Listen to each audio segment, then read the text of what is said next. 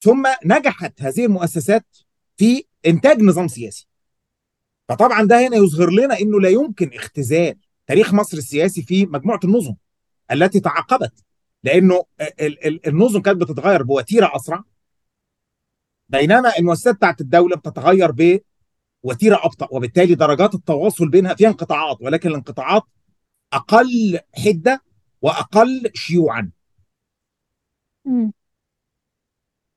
وبالتالي لما نيجي نتكلم عن مصر الحديثه لا إحنا بنتكلم عن بقى أشكال السلطة العامة اللي نشأت. عشان كده مثلا في, في, في يعني في كذا فصل بنتكلم بقى عن المؤسسات نفسها بتاعت الدولة.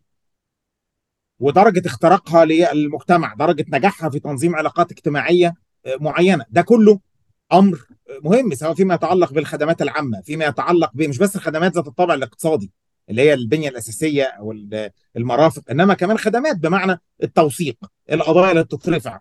الطلاق الجواز المواليد الوفيات الحاجات دي كلها. لأن دي دي دي بقى فعلا أشكال السلطة العامة اللي هي يعني بالمعنى طبعا اللي هو الفقودي أو الدلوزي اللي هي يعني بت بتبقى حاضرة على المستوى المايكرو. للأفراد بيتعاملوا إزاي مع بعض الأفراد بيشوفوا نفسهم إزاي وبيشوفوا غيرهم إزاي. إزاي نقدر نفهم إشكاليات التنمية في مصر؟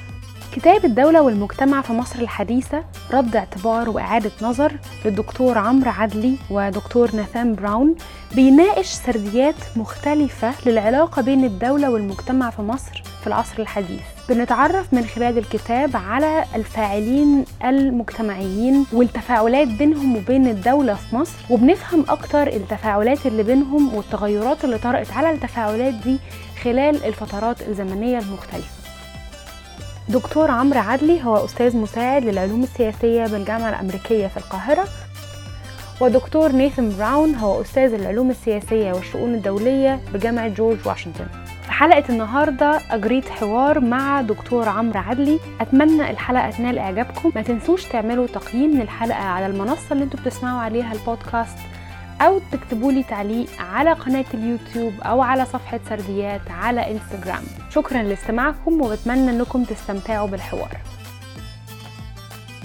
مساء الخير أو صباح الخير لكل مستمعين البودكاست. في حلقة النهاردة هنناقش كتاب الدولة والمجتمع في مصر الحديثة رد اعتبار وإعادة نظر. الكتاب من إصدار المرايا وتأليف دكتور عمرو عدلي ودكتور ناثان براون.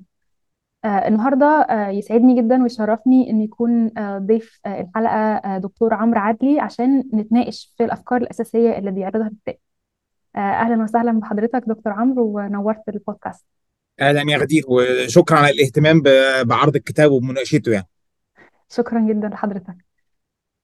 في البداية كنت عايزة أسأل حضرتك سؤال عن تصنيف الكتاب ده بما أنه طبعا حضرتك كأستاذ في العلوم السياسية وأشرت في المقدمة أنه الكتاب موجه بالأساس لغير المتخصصين فلو حضرتك تدينا فكرة عن إيه أهمية أنه شخص غير متخصص يقرأ في موضوعات متعمقة بالشكل ده وكان إيه الفكرة الأساسية وراء كتابة الكتاب ده يعني أنا ممكن أصنف الكتاب باعتباره يعني كتاب شبه أكاديمي أو نصف أكاديمي بمعنى إنه هو طبعا مبني على خلفية نظرية ليها علاقة بالأدبيات اللي إحنا بنقول عليها أكاديمية اللي بتدرس تاريخ مصر الاقتصاد السياسي لمصر النظام السياسي في مصر تاريخ الدولة في مصر إلى آخره. ولكن في الوقت نفسه المناقشة واللغة والهيكل بتاع الكتاب مصمم لجمهور أوسع. آه وده الحقيقة كان آه الوضع مع الكتاب ال ال الإنجليزي اللي هو كان النسخة اللي بنيت عليها النسخة اللي باللغة العربية. هي ترجمة يعني ممكن نسميها ترجمة غير آمينة آه هي مستندة إلى النص الإنجليزي ولكن طبعا هي يعني أعيد كتابتها باللغة العربية سواء من من من خلال ترجمة بعض الأجزاء أو من خلال إعادة الكتابة بشكل مباشر. من جانبي بما إن أنا يعني بعرف أكتب عربي بشكل مباشر. طبعا للوصول للقارئ المصري أو القارئ اللي باللغة العربية اللي طبعا خلفيته واهتماماته يعني متباينة مع القارئ اللي هيبقى مهتم بمصر أو بالشرق الأوسط في السوق الأمريكية بتاعت الكتب يعني. فالكتاب شبه أكاديمي يعني بيتحاور بالأساس مع أدبيات موجودة في الاكاديميا الأمريكية والأوروبية بدرجة أقل والتراث الأكاديمي العربي اللي عن السياسة أو الاقتصاد السياسي في مصر اللي هو بدوره كمان أكثر ندرة يعني. ولكن الهدف كان الحقيقة من الأول سواء عندي أو عند نيثن هو إن إحنا نصل للجمهور الأوسع اللي هو في تقديري يعني يعني موجود بعدة مئات من الآلاف من الناس بالأخص الشباب بالمناسبة اللي ابتدوا يهتموا بالشأن العام في العشر سنوات الماضية. يعني بالأخص من بعد 2011 أصبح في جمهور مهتم بالأسئلة الكبيرة بتاعت السياسة بتاعت السياسات بتاعت الدولة بتاعت السلطة العامة. وبالتالي كان ده الغرض إنه نقدر إن إحنا نربط بين يعني الجمهور الأوسع اللي مهتم بالشأن العام في مصر وبين الجانب الأكاديمي اللي هو بحكم الضرورة بيناقش الشأن العام بس مشكلته إنه بيناقشه مع نفسه. م. بشكل مش منفتح على يعني شرائح أوسع. عظيم جدا. أظن إنه واحدة من الأفكار الأساسية في الكتاب إن هو بيقدم يعني سردية مغايرة للسردية اللي إحنا متعودين عليها في فكرة القصة بتاعت تطور الدولة في مصر ومسار بتاع التنمية في مصر بإن هو بيقدم فاعلين موجودين في المجتمع وبيربط ما بين الدولة والمجتمع والفاعلين المختلفين الموجودين في المجتمع المصري سواء في الجانب الاجتماعي والعمل المدني أو كمان الجزء الاقتصادي المرتبط بالتنمية. لو إحنا حابين ندي فكرة كده شاملة ليها علاقة بال, بال النقطة دي في الكتاب حضرتك يعني هل دي كانت الانطلاقة الأساسية من الكتاب؟ والفكرة ورا تقسيم الفصول بإن إحنا بنستعرض الأول مسارات بناء الدولة وبنستعرض بعد كده الجزء الخاص بالمجتمع وبعد كده بنربط بقى النقط دي مع بعض في الجزء الختامي من الكتاب بنناقش الاقتصاد السياسي. فلو حضرتك تدينا بس فكرة إجمالية يعني للمستمعين اللي بيسمعونا اللي ممكن مش بالضرورة كلهم يكونوا متخصصين إزاي الستراكشر يعني والفكرة دي اتكونت في يعني أنا أعتقد إن إن يعني السؤال بتاعك كان فيه عرض للهيكل الأساسي بتاع الكتاب. هو طبعا إحنا حاولنا إن إحنا يعني نركز في الفترة الزمنية هي مصر الحديثة. التركيز طبعا على مصر ما بعد الاستقلال يعني بنتكلم عن طبعا عملية الاستقلال نفسها اللي هي مش حدث واحد اللي هي عملية ممتدة لها علاقة بتاريخ الحركة الوطنية. يعني ممكن نعتبر إن حكاية ميلاد مصر المستقلة دي من من واقع الحرب العشرينات من بعد الحرب العالمية الأولى لحد ما تم في منتصف الخمسينات. طبعا التركيز هو على الفترات الأكثر معاصرة ولكن إحنا في نفس الوقت كنا بنرجع ساعات بشكل انتقائي ساعات بشكل موجز جدا لفترات زمنية بعضها في القرن ال19 بعضها في بداية القرن العشرين بعضها في بداية نهاية القرن ال18 يعني يعني أينما كان يعني هناك حاجة للرجوع لده باعتبار إن هو مسألة بتمس مصر الحديثة. الكتاب طبعا ما فيهوش مادة يعني تجريبية بمعنى إن إحنا ما عملناش فيلد ورك ما عملناش عمل ميداني بأي شكل الحقيقة من الأشكال اللي هي اللي بتميز الأبحاث الجديدة هو الغرض منه كان في الكتاب الأصلي نفسه بالمناسبة اللي هو أوه. طلع في 2021 مع كولومبيا يونيفرسيتي بريس الغرض الرئيسي كان هو إعادة ترتيب وإعادة تفكير نقدي في جسم الأدبيات اللي اللي نما أو اللي تشكل عن مصر في ال 40 50 سنة اللي فاتوا. وكان التصور ده مركز أكتر على ال ال الأدبيات الأمريكية اللي هي طبعا هيمنت إلى حد كبير جدا على مش بس التطبيق آه على حالة مصر ولكن على إنتاج النظريات نفسها اللي طبقت على مصر وغيرها سواء بقى دراسات شرق أوسط دراسات عالم عربي دراسات تمس العالم الإسلامي دراسات خاصة بالعالم الثالث آه يعني إحنا حاولنا إن إحنا نشتبك مع ده كله. كان التصور التحليلي لدينا إن إحنا نتكلم عن السياسة بالمعنى اللي هو البدائي إن السياسة تبقى هي الدولة.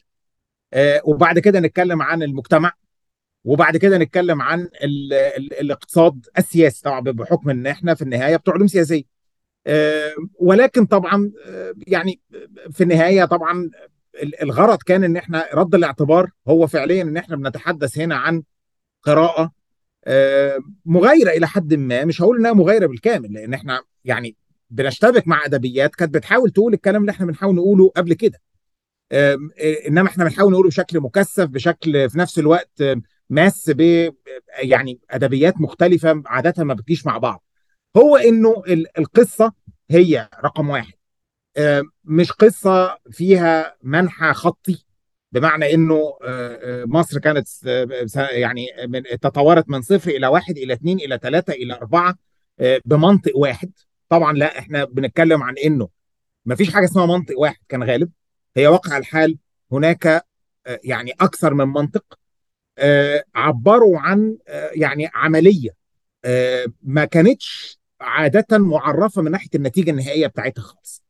وبالتالي ال- المؤسسات الأساسية بتاعت الدولة اللي هي لها تراث إلى حد كبير طويل في مصر آه، يعني بنتكلم عن المؤسسات الحديثة لها تراث طويل آه، سواء بنتكلم عن مؤسسات الدولة آه، أو بنتكلم بالمناسبة عن الأشكال المختلفة بقى هنا للعلاقات الاجتماعية اللي هي قد لا تكون بالضرورة في شكل مؤسسي رسمي يعني مش بالضرورة في شكل نقابات مش بالضرورة في شكل جمعيات إنما هو مجتمع يعني له علاقات ضاربة إلى حد كبير جدا في القدم في القرنين اللي فاتوا دول. ده كله كان نتاج عملية تطور أكتر منها عملية تخطيط. آه، آه، ما كانتش آه، إن في فاعل عنده تصور معين. هل ده يعني إن ما كانش في فاعلين عايزين يعيدوا رسم العلاقات الاقتصادية والاجتماعيه بالقطع يعني إحنا التراث بتاعنا في ال 200 سنة اللي فاتوا دول هو تاريخ طويل من المحاولات من أعلى لإعادة صياغة المجتمع لإعادة هيكلة الاقتصاد لإعادة تعريف آه، آه، ال- ال- الثقافة آه، الأدوار المختلفة لل- للفاعلين المجتمعيين المفروض إنهم يعملوها علاقة الأفراد بين بعضهم البعض بأنفسهم إلى آخره. هل بقى المحاولات دي كلها يعني بغض النظر عن نجحت أم فشلت يعني بالمعايير اللي ممكن نتفق أو نختلف عليها أو حتى بالمعايير بتاعتها؟ هل هي في النهاية أنتجت ال ال ال ال ال يعني الغايات اللي هي كانت منطلقة من أجلها؟ لا. لأنه في النهاية هي عمليات معقدة امتدت عبر الزمن كان فيها انقطاعات كثيرة. يعني كتير جدا من الفاعلين آه، آه، آه، يعني حصل تغيرات في المنطق اللي بيحكم العملية بتاعتهم.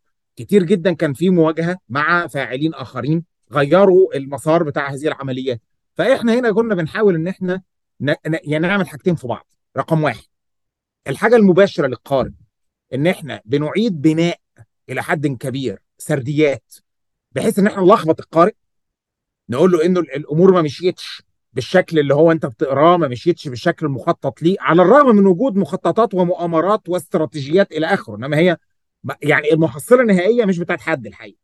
آه، هي بتاعت ناس كتير ومش بتاعت حد في النهاية هي تفاعلات فيها عك كبير يعني. آه، والأمر الآخر هو إن إحنا نشتبك مع القراءات ال- ال- ال- ال- اللي هي فيها جانب نظري قبل كده آه، سواء من اليمين أو من اليسار اللي اقترحت مسارات معينة. فمن هنا كان التصور بتاع رد الاعتبار لأنه إحنا التصور اللي لدينا إنه ال ال ال الأدبيات سواء في العلوم السياسية سواء في السوسيولوجيا أو في الاجتماع السياسي سواء في ال ال الاقتصاد السياسي اللي هي كلها فروع لل- للعلوم السياسية.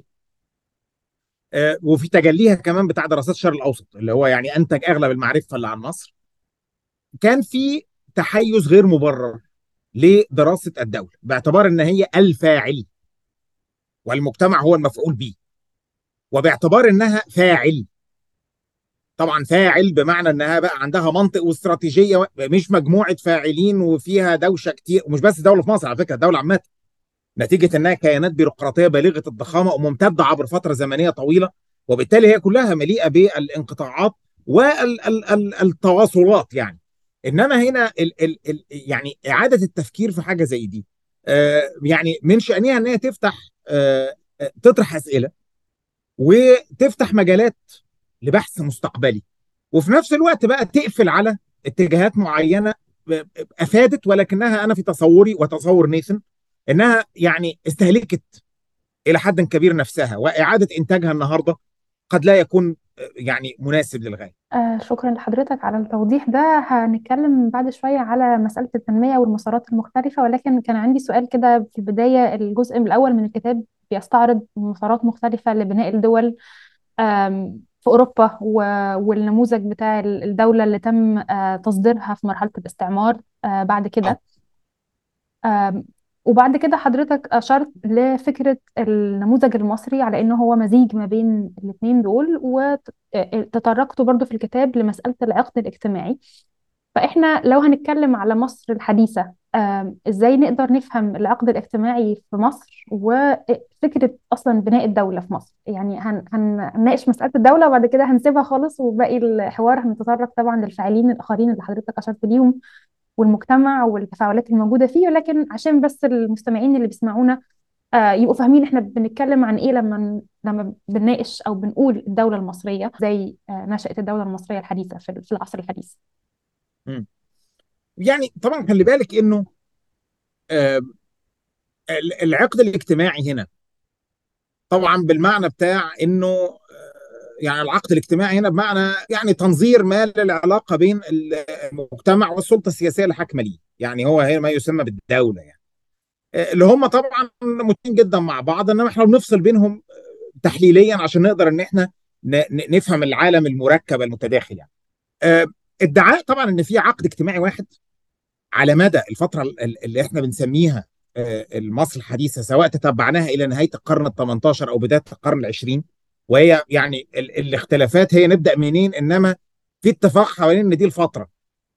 آه، سواء بقى اللي شايف إنها مع الدولة العثمانية اللي اللي شايف قصدي مع نهاية حكم الدولة العثمانية بداية الحملة الفرنسية اللي شايف إنها قبل كده بشوية بعد كده بشوية ده مش فارق.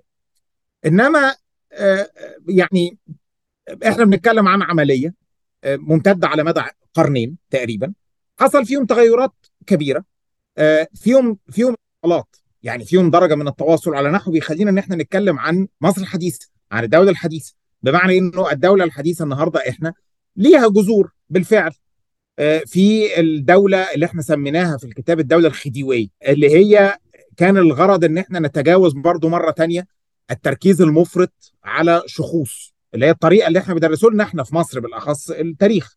آه، عصر محمد علي عصر خديوي إسماعيل عصر آه، مش عارف آه، الخديوي توفيق آه، عصر آه، حسني مبارك عصر السادات. فطبعا هنا الشخوص أو الأشخاص هم بيبقوا علامات إنما هم ما بيقدروش في حد ذاتهم هم يقولوا لنا إن هم شكلوا لوحدهم كده آه، آه، آه، مسارات تاريخية معقدة وفيها ناس تانية قطعا يعني. ف ومن هنا طبعا كان مثلا الشغل بتاع يعني طبعا الكتاب العمدة بتاع كل رجال الباشا. ان هو كان بيحاول يتجاوز بس ان إحنا التركيز المفرط على الباشا يعني ان إحنا يعني نبص على مين اللي مع الباشا ده اللي كان بيدور ال ال ال ال يعني التجربه بتاعه بناء الدولة ال ال ال العلويه أو الدولة بتاعه محمد علي وعياله الهاوس هولد نيم دي بتاعه مصر والسودان الحتت اللي ضموها ليهم يعني فاحنا هنا حاولنا عشان ما توهش يعني أو ما بع- ما بعدش قوي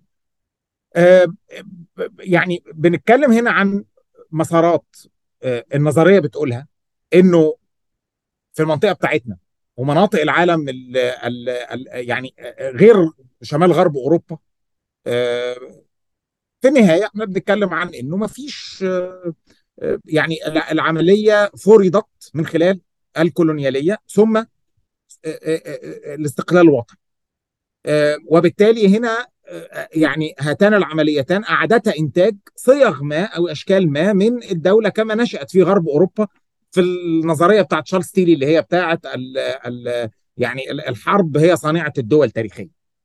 طيب اللي طبعا آه، آه، آه، يعني الطرح اللي هو بالأخص بتاع نيثان براون بالمناسبة وهو عبر عن ده في في في مواضع أخرى قبل حتى كتابة ال ال الكتاب ده إنه لا في مسارات أخرى. على الأقل مصر بتطرح هنا. ما يشبه إن هو مسار ثالث وده لا يعني إن هم ثلاث مسارات بدل مسارين. هم مسارات أكتر من كده الحقيقة. آه، لأنه كان في نخب آه، محلية. مش عايز أقول محلية بمعنى إنها مصرية لأن طبعا ده برضو آه، يعني جدل أو نقاش. آه، يعني هو الحقيقة في غير محله عشان نبقى مؤدبين يعني. هو الحقيقة بيمتاز بدرجة من الغباوة لأن هو في في في إسقاط يعني لحاجه لاحقة على حاجة سابقة ما كانش فيها ال- ال- التقسيمات أو التصنيفات دي. إنما اللي أنا قصدنا عليه إن هي نخب غير كولونيالية نخب غير آه، أوروبية. آه، النخب دي كانت من العالم العثماني.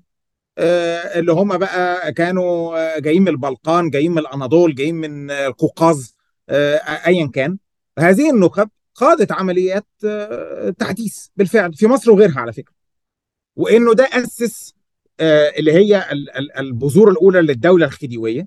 آه، اللي ظلت حتى ال يعني آه، حتى بداية التغلغل بتاع النفوذ الأوروبي في بداية من النص الثاني من ستينات القرن ال 19 آه، انتهاء طبعا أو مرورا بالاحتلال البريطاني اللي هو أعاد تشكيل آه، هذه المؤسسات آه، آه، ولكن ترك مؤسسات أخرى لم يعد آه، يعني تشكيلها بنفس الطريقة.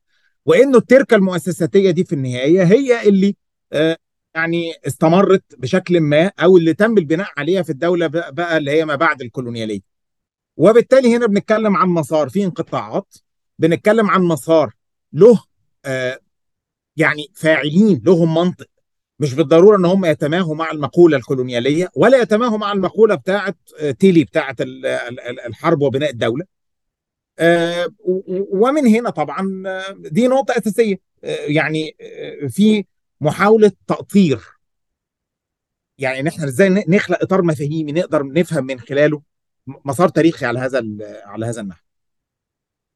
يعني نقدر نقول إنه مفيش عقد اجتماعي واحد كان موجود على مدار الفترة الزمنية الممتدة في 200 سنة ولكن في عوامل مختلفة أو في تغيرات مختلفة ساهمت إنه يبقى في يعني أشكال مختلفة لهذا التفاعل ما. بين الدولة والمجتمع. يعني شوفي هقول لك حاجة. أنا آه، ودي نقطة يعني يمكن مش مش واردة في الكتاب إحنا في الكتاب حاولنا نتجنب استخدام social contract لا في. الكتاب الإنجليزي ولا في الكتاب العربي يعني كان التصور إنه طبعا هي طبعا ده إطار مأخوذ من ال- ال- ال- ال- الليبرالية الكلاسيكية. آه، إحنا مش بالضرورة إن إحنا كنا عايزين إن إحنا نستحضره لل- لل- للمشهد. آه، إنما لو مرة تانية بنتكلم عن إنه ده مدخل ضمن مداخل أخرى لفهم العلاقة بين السلطة العامة اللي هي الدولة والمجتمع لا هي طبعا تحولت وتغيرت آه، كثيرا آه،. آه، طبعا مش بس الكتاب بتاعنا الكتاب بتاعنا زي ما بقول بيحاول إن هو يتناقش مع قراءات يعني أكثر استفاضة وأكثر تفصيلا. عن هذه العمليات عن مؤسسات بعينها سواء بنتكلم عن تطور المؤسسات الأمنية تطور ال- ال- ال- ال- المؤسسة العسكرية مثلا الجيش بتاع محمد علي اتطور إزاي نشأ إزاي وإلى آخره. فلا طبعا هي العلاقة تحولت. آه، إنما واحدة طبعا من ال من ال من النقاط الأساسية كانت آه، هي يعني نقدر نقول عليها هي يعني ظهور الشعب المصري. اللي هو طبعا في حد ذاته أمر يعني آه، هو أمر تاريخي. لفترة معينة متصل بحركة وطنية بتخلق هوية وطنية وبعدين المشروع ده بيتم تبنيه باعتبار إن هو السردية الأساسية في مواجهة البريطانيين في. مواجهة السرايا فيما يتعلق بسؤال الدستور. فبالتالي هنا تنشأ هذه العلاقة. إنما هذه العلاقة طبعا بتقعد تتغير. وده اللي إحنا بنحاول كنا بقى هنا نقطة تانية إن إحنا نفصل ما بين الدولة والنظام اللي هي طبعا برضو حاجة تم محاولة عملها عدة مرات بالنسبة لمصر وغير مصر إنه. لا يعني ال- ال- الدولة آه، بنتكلم هنا عن أشكال السلطة العامة آه، اللي هي مش بس كان لها درجة كبيرة من الاستمرارية ولها منطق بيحكمها إنما هي ثبت كمان إن لها درجة كبيرة من الاستقلالية عن النظم السياسية بمعنى آه، يعني أنماط القوة أو أنماط علاقات القوة اللي بتحكم بقى جهاز الدولة نفسه متصل ببعضيه إزاي. دي اتغيرت عدة مرات. سواء حبينا إن إحنا نشير إليها باختزال في صورة النظام الناصري والنظام الساداتي والنظام مبارك ومش عارف مين أو حبينا إن إحنا نستخدم صياغات أخرى أقل شخصنة. آه، إنما في درجة من الامتداد. على نحو في أوصلنا إلى بعد 2011 ده اللي الكتاب كان بيحاول يقوله. آه، إنه آه، هي مؤسسات الدولة اللي استمرت. وقعدت كده فترة إن هي كل واحد شغال لوحده. آه، لأنه ما فيش اللي هي علاقة القوة اللي ممكن تربطها ببعض. ثم نجحت هذه المؤسسات في إنتاج نظام سياسي. فطبعا ده هنا يظهر لنا إنه لا يمكن اختزال تاريخ مصر السياسي في مجموعة النظم التي تعاقبت لأنه ال- النظم كانت بتتغير بوتيرة أسرع. بينما المؤسسات بتاعت الدولة بتتغير بوتيره أبطأ وبالتالي درجات التواصل بينها فيها انقطاعات ولكن الانقطاعات أقل حدة وأقل شيوعا. وبالتالي لما نيجي نتكلم عن مصر الحديثه لا إحنا بنتكلم عن بقى أشكال السلطة العامة اللي نشأت. عشان كده مثلا في في, في يعني في كذا فصل بنتكلم بقى عن المؤسسات نفسها بتاعت الدولة. ودرجة اختراقها للمجتمع درجة نجاحها في تنظيم علاقات اجتماعية معينة. ده كله أمر مهم سواء فيما يتعلق بالخدمات العامة فيما يتعلق مش بس الخدمات ذات الطابع الاقتصادي اللي هي البنية الأساسية أو المرافق إنما كمان خدمات بمعنى التوثيق القضايا اللي بتترفع الطلاق الجواز المواليد الوفيات الحاجات دي كلها. لأن دي دي دي بقى فعلا اشكال السلطه العامة اللي هي يعني بالمعنى طبعا اللي هو الفقودي أو الدلوزي اللي هي يعني بتبقى حاضرة على المستوى المايكرو للأفراد بيتعاملوا إزاي مع بعض الأفراد بيشوفوا نفسهم إزاي وبيشوفوا غيرهم إزاي. طيب أنا سؤالي بعد كده مرتبط بالمجتمع وحضرتك أشرت من شوية لفكرة ظهور بقى المجتمع المصري. هل ده كان مرتبط بفكرة الاستقلال والحركة الوطنية اللي بتنادي بالاستقلال ولا كان له بوادر إن هو يظهر قبل كده؟ يعني إزاي نقدر برضو يعني أكيد في إشكاليات كتير لإمتى نبدأ نقطة البداية لما هنتكلم عن علاقة الدولة بالمجتمع بس كمان إمتى نبدأ نتكلم عن ظهور أصلا الفاعلين المجتمعيين في مصر مصر الحديثة؟ إيه النقطة المحورية اللي بننطلق منها؟ يعني إحنا في في في الكتاب مرة تانية ميالين لعمليات ما فيهاش نقطة فاصلة واحدة. ما فيهاش كريتيكال جانكشر واحد. فيها عدد منها. بالتالي تنطلق العملية. وبينشأ عن ده يعني تطور لفاعلين. الفاعلين دول بينشأوا مش دايما بيبقوا موجودين. من الحاجات اللي إحنا حاولنا إن إحنا نقولها هنا بوضوح إلى حد ما إنه يعني الأشكال اللي كانت بتنظم المجتمع في مصر لحد القرن ال 18 زي بقى الطرق الصوفية زي القبائل والعشائر زي طوائف الحرف الحاجات دي إلى حد كبير جدا تحللت. نتاج سواء بقى إن إحنا عندنا يعني مدخل مؤسساتي اللي هي ظهور بقى مؤسسات الدولة الحديثة أو مدخل بنيوي أكتر. اقتصاد سياسي عن دمج مصر في التقسيم الدولي للعمل بغض النظر النتيجه واحدة إنه المجتمع المصري خاض تجربة تحديث. هل أصبح مجتمع حديث؟ إذا اعتبرنا إنه الصيغة التي وصلت إليها المجتمعات الغربية هي هي معنى المجتمع الحديث أو هي النموذج؟ لا هو لم لا لم يتحول إلى مجتمع حديث. ولكن هل ظل مجتمعا تقليديا باستخدام بقى اللغة بتاعت نظرية التحديث القديمة خالص؟ لا طبعا قطعا لا. وبالتالي هو في النص هو مجتمع نتاج عملية تحول تحديثي. فهو مجتمع يعني يمكن نطلق عليه كده حداثي. اللي هو في إعادة صياغة لعلاقات كتيرة بما فيها بالمناسبه العلاقات اللي إحنا فاكرين إنها تقليدية، هي طبعا لا تقليدية ولا هباء. يعني مثلا الأسرة مثلا الأسرة الأسرة مثلا النووية هي أسرة يعني جديدة جدا جدا ولها علاقة بتدخلات أيديولوجية وتدخلات مؤسساتية. هي اللي خلت في النهاية أن الأسرة تبقى مكونة من زوج وزوجة وعيلين ثلاثة ساعات بيبقوا أربعة يعني أيا كان. أنا قصدي إن ده منفصل. دي حاجة يعني متأخرة. التحول اللي حصل مثلا للدور بتاع النساء سواء دورهم داخل الأسرة أو بره الأسرة. فالكلام ده كله إحنا بنحاول إن إحنا نمسكه. طبعا واحدة من من المشكلات هنا بقى فكرة إن المجتمع حداثي. وهنا مشكلة مرة تانية مش خاصة بمصر بس هي الحقيقة مشتركة مع العديد من المجتمعات التي خاضت تجارب شبيهة إلى حد ما. ال ال ال الأشكال الأكثر حداثة ما خدتش هذه الأبعاد المؤسسية المنظمه ما خدتهاش وبالتالي عندنا بعد كبير غير رسمي. ده اللي إحنا حاولنا إن إحنا نتكلم عنه. واللا رسمية دي كمان هي في حد ذاتها مؤشر على قصور محاولات التحديث من أعلى اللي هي بتاعت الدولة إنه من الحاجات مثلا اللي إحنا اتكلمنا عنها إنه المرحلة الكوربوراتية اللي هي في الفترة مثلا بتاعه الخمسينات والستينات اللي هي تزامنت مع ملكية الدولة لاهم أصول الانتاجيه من خلال التأميمات من خلال دور كبير للدولة في المراكمة من أجل التصنيع الثقيل. من خلال التوسع في القطاع العام والجهاز البيروقراطي.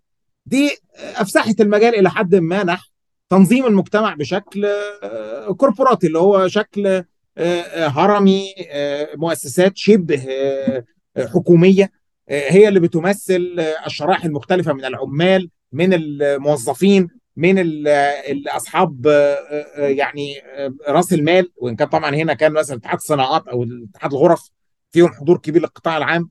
النقابات المهنية وإلى آخره. هذه البنية طبعا يعني تفككت تحللت لم تزل بالكامل. استمرت. ولكن استمرارها كان يعني باعتبارها صدى لما كانت عليه. المجتمع أصبح بينتظم بشكل مختلف. طيب هل بقى ظهرت مؤسسات بديلة لمجتمع بقى أكثر تعددية اللي هي بقى بتميز التحولات اللي هي لمجتمع أكثر ليبرالية لا ما حصلش. ففي النص عندنا مساحة كبيرة جدا من اللي هو ممكن نسميه هنا مثلا الإيه؟ آه على غرار اللا رسمية الاقتصادية اللا رسمية الاجتماعية. واللا رسمية السياسية كمان اللي هي قواعد تنظيمية آه غير رسمية. إنما هامه للغايه في فهم الاقتصاد بيتعمل إزاي المجتمع بيتعمل إزاي والسياسة بتمارس إزاي كذلك. في الفترات اللي هي كانت فيها يعني هامش أوسع لممارسة السياسة. هل إحنا ما زلنا في الفترة دي عدم يعني لا رسمية سواء في الجزء, الجزء الاجتماعي أو الاقتصاد أو السياسة ولا حصل شيء جديد بعد 2011 يعني بعد 2011 كان طبعا يعني لحظة فتحت فيها بعض أو أتيحت فيها بعض الفرص. يعني ممكن نقول اتيحت فتحت احتمالات. لتحول في علاقة الدولة بالمجتمع وفي هيكل الدولة نفسها. ولكن طبعا انهيار المسار ده نفسه لأسباب عديدة. أنا في تصوري لا واكمل بمعنى إنه يعني تم إعادة إنتاج الدولة بصيغة أشد يعني تسلطا مما كانت. بمجتمع يعني أنا مش واثق إن هو أصبح بالضرورة أقل تعددية. هو طبعا المجال العام والحيز العام الحقيقة حتى بالمعنى المادي تقلص. ولكن يعني أنا ما أظنش إنه الدولة عمرها كانت قادرة في مصر هي مساله قدرة بقى هنا. إنها بالفعل يعني تشكل المجتمع على حسابها يعني زي ما على مزاجها بالكامل.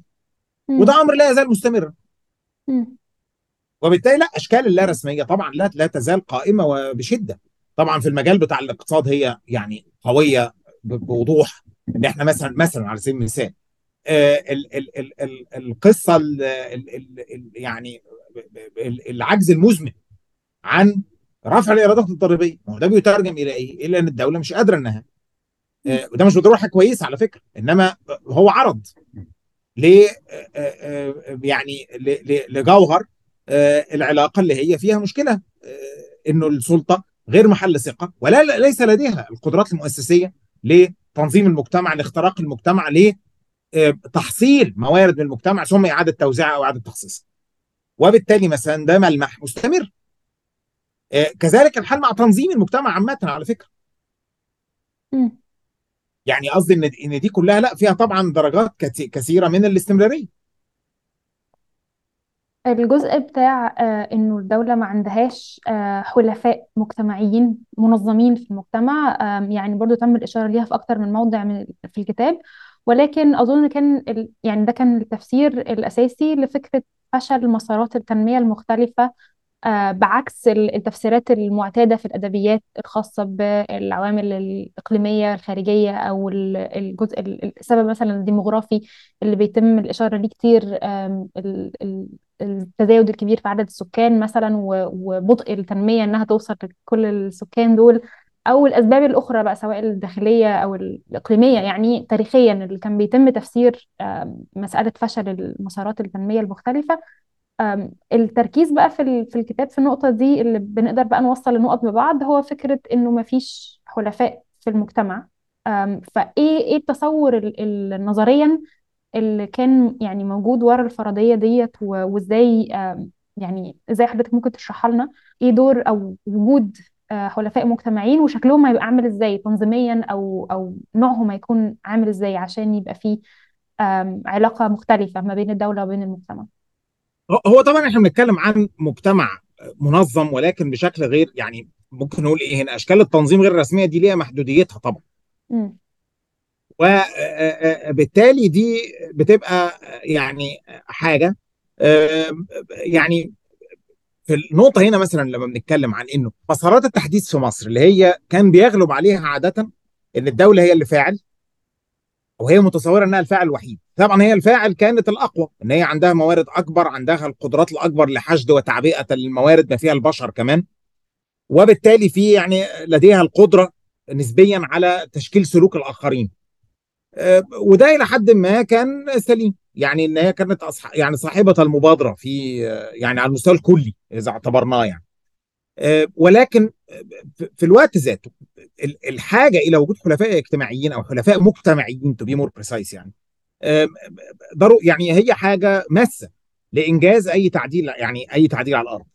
إحنا لو بصينا النهارده مثلا التوسع الكبير جدا جدا جدا في دور الدولة أو بعض المؤسسات داخل الدولة نفسها اللي هي بتعمل كل حاجة بنفسها. هو ده إلى حد كبير جدا ناتج عن آه، إنه آه، يعني ما فيش فرصة للتواصل مع مجتمع آه، يبقى فيه حلفاء وفي نفس الوقت آه، ال- القدرات بتاعت الدولة مش قادرة إنها من خلال السلطة العامة إنها تجبر المجتمع أو الفاعلين اللي هي محتاجة إنها تشكل سلوكهم باستخدام السلطة وبالتالي هو لا قادر يتعاون معاه ولا قادر يجبره إن هو يعمل حاجة. ده مثلا الإشكال الكبير قوي اللي إحنا شايفينه في السؤال بتاع القطاع الخاص. يعني القطاع الخاص هنا ده من زاوية اقتصادية بيدلل على إيه؟ إنه عندنا في مصر أطراف في المجتمع لديها حظ كبير من الدخل والثروة. وأنه دول على اختلافهم ضروري يعني ضروري الموارد بتاعتهم دول لإنجاز أي مخطط من مخططات الدولة. طيب ما هو ال ال عدم القدرة على اكتسابهم يعني إغرائهم على يعني عارفة اللي هو فكرة ذهب المعز وسيفه. فهو لا بتغريه ولا في نفس يعني انت محتاج تتعاون معاه ولا في نفس الوقت تجبره. ده بيخلق لنا طبعا إشكال في ده. إنما أنا أعتقد إن ده كمان على يعني ينسحب على العديد من التفاعلات. وده وده إشكال يعني مميز للعقود الماضية. ده فيها درجة كبيرة من الاستمرارية. أنا بس في تصوري كمان إنه ده الكتاب بيحاول يقوله الحقيقة إنه هذه المشكلة تعمقت مع الوقت. يعني إحنا النهارده ال- المشكلة طبعا لأ يعني أشد عمقا مما كان طيب آه، برغم إنه المساحة الموجودة للقطاع الخاص يعني بتختلف على مدار السنوات ولكن آه، في هيمنة للدولة بشكل كبير. آه، كان في إشارة مهمة للكتاب على التطور بتاع الليبرالية الاقتصادية في مصر وإنه مع وجود شبكات للعلاقات المحاسيب والمنتفعين القريبين من السلطة مع وجود ده كان برضو في مساحة مستقلة لبعض من الفاعلين إن هم يقدروا يحققوا حاجات ملهاش علاقة بال- بالسياسة يقدروا إن هم يبنوا آه، آه، مؤسسات اقتصادية ناجحة ومكملة وبعضها موجود حتى الآن. آم، بعيدا عن الدخول في الشبكات ال- السياسية والمصالح السياسية. هل ده ممكن يبقى حاجة مستمرة ولا دي كانت في وقت معين لها سياقها ولها ظروفها ومش مستمرة حتى الآن؟ وجود مساحة إلى حد ما مستقلة عن هيمنة الدولة ودخولها في في ال- يعني كل الأنشطة الاقتصادية. يعني هقول لك حاجة أنا ما أظنش إن هم كانوا بعيد عن السياسة. هي الفكرة كلها إنه يعني ال ال ال ال يعني ال- اللا رسمية أو العمل بشكل حتى غير رسمي هو نفسه أمر بيعبر عن علاقة سياسية معينة. لما حد بيحاول إن هو يتجنب إنه يتعامل مع الدولة بيشتغل من غير رخصة أو إن هو بي بيحاول يهرب من من دفع الضرائب. دي علاقة سياسية بحد ذاتها.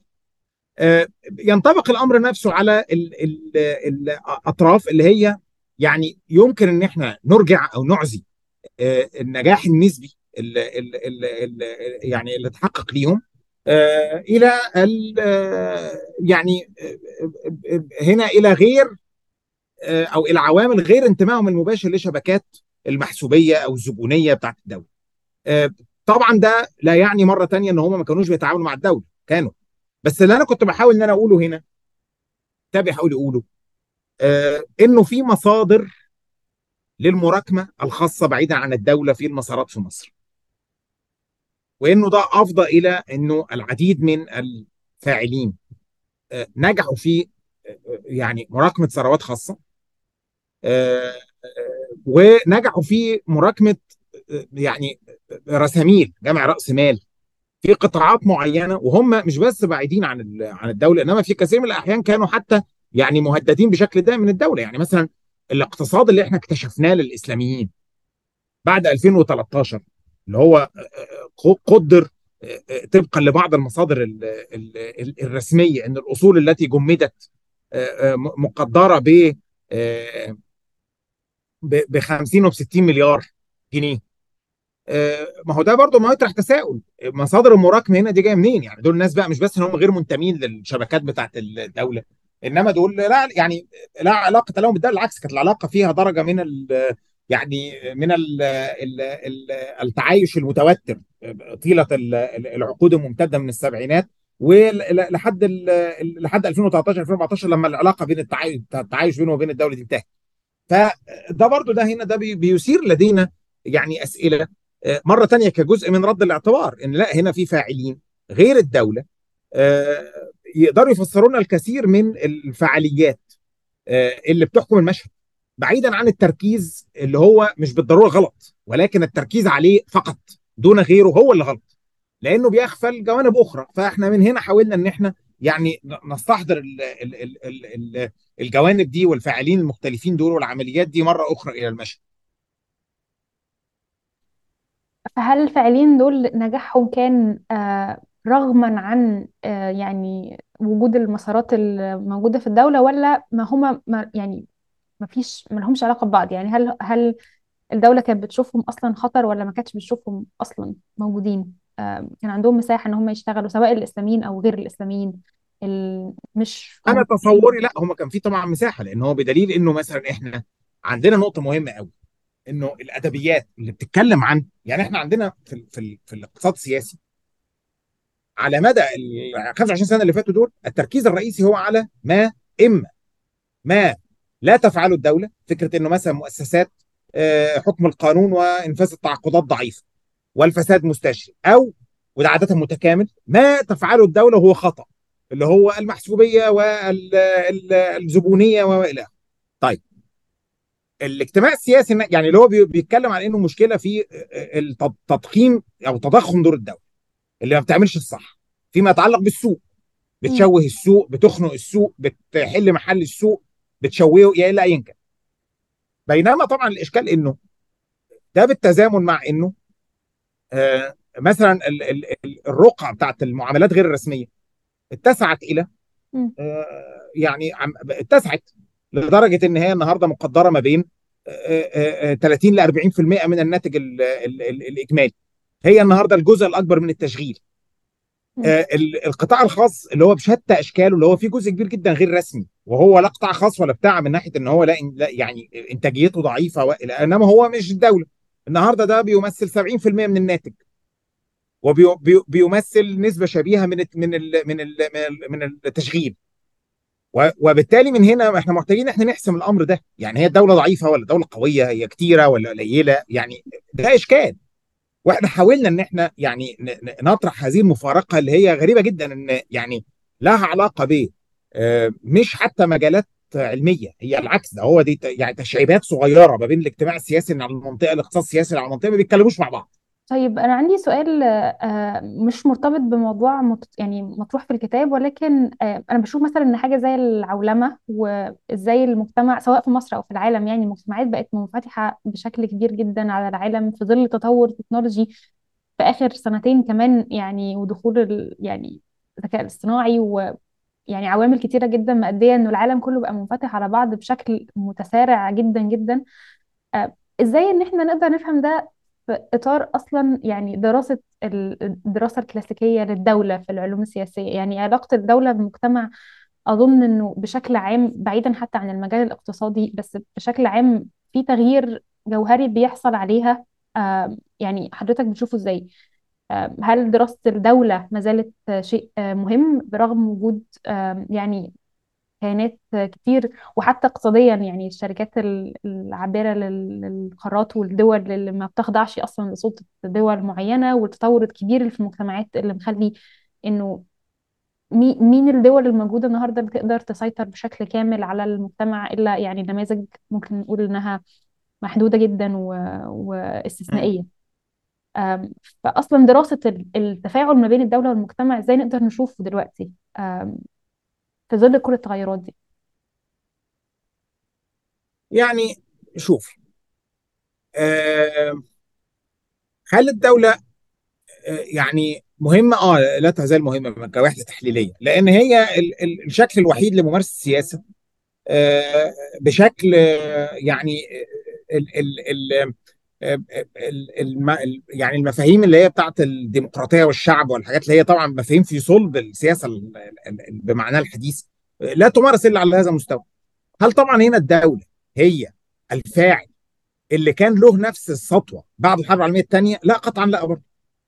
إنما يعني هل إحنا ممكن نتكلم عن مثلا أشكال العولمة الاقتصادية اللي بتحكي عنها دي بدون الحديث عن الدولة؟ لا لأن الدولة فاعل كانت أساسي في التمكين لهذه ال- ال- ال- العولمة أصلا. يعني هو النيوليبرالية أعادت تشكيل علاقة الدولة بالمجتمع فيما يتعلق بعلاقتها بالسوق المحلي وكذلك فتح هذا السوق المحلي على الأسواق العالمية فيما يتعلق ب آه، الاستثمار تدفقات رأس المال يعني سواء استثمار مباشر أو غير مباشر فيما يتعلق بالتجارة فيما يتعلق بحركه التكنولوجيا وإلى آخره. وبالتالي لا هي كحاجة تحليلية تظل موجودة يعني ملهاش حل يعني هنا. طيب ختاما ممكن حضرتك يعني لو حابب تضيف أي حاجة أم، أو أي ملاحظات ختامية قبل ما نختم الحلقة. آه لا يعني أنا طبعا كنت عايز أشكرك يا غدير على الاهتمام بالكتاب وأنا يعني سعيد قوي إنه ال ال ال الكتاب آه آه، يعني وصل لك في صيغته العربية كمان. طبعا انت من يعني في النهاية بتدرسي علوم سياسية وبالتالي يعني من ال- الدوائر ال- ال- آه، آه، يعني اللي عندهم اهتمام أكاديمي آه، ولكن يعني آه، يعني يحدوني الأمل إن هو على الأقل ال ال ال الم- الم- يعني ال- الشريحة العمرية اللي انت فيها تكون بتؤشر إلى إنه الكتاب قادر يوصل ويتفاعل مع آه، آه، يعني ناس أصغر مهتمين بالشأن العام ويعني يفتح لهم المجال بقى على الأدبيات الأقدم اللي موجودة. ويحاولوا من خلالها إن هم يفهموا إيه اللي اتقال وإيه اللي اتدرس عن ال- ال- ال- الحالة المصرية. ممكن قبل ما نختم حضرتك لو حابب ترشح لنا كتب من الأدبيات اللي ممكن آه، المهتمين بالشأن العام والمهتمين بالموضوع ده يرجعوا لها كتب أخرى مشابهة أو أدبيات ممكن تبقى مفيدة؟ يعني أنا في تصوري إنه إحنا سع- سعينا بالمناسبة إنه آه، آه، في تنظيم ال- ال- ال- البيبليوغرافيا في ال- في الكتاب إن إحنا نذكر آه، المصادر اللي إحنا اعتمدنا عليها وحتى المصادر اللي إحنا ما اعتمدناش عليها بكثافة. يعني اللي هي مثلا بس ضروري إنه ال- القارئ يبقى ملم بيها. فأنا تصوري إنه ال- الكتاب ممكن يبقى نقطة بدء. لل يعني التعرف على ال على واستعراض بعض الأدبيات اللي هي مهمة للمهتم بقى به سواء عايز يدخل مدخل اجتماع سياسي عايز يدخل مدخل تاريخ. مم. سياسي عايز يدخل مدخل اقتصاد سياسي يعني أعتقد إن ده متغطي إلى حد ما يعني هي في خريطة إحنا حاولنا إن إحنا نعملها في ال- آه عظيم جدا. يعني شكرا جدا لحضرتك وسعيدة بالحوار وسعيدة إن أنا يعني اتشرفت بمعرفة حضرتك وبالنقاش مع حضرتك عن الكتاب. ده أنا أنا أسعد يا غدير. شكرا جزيلا. شكرا لاستماعكم لبودكاست سرديات. ما تنسوش تعملوا متابعة لصفحة سرديات بودكاست على إنستجرام وصفحة غدير ريدز على انستجرام ويوتيوب. كنت معاكم غدير حسين.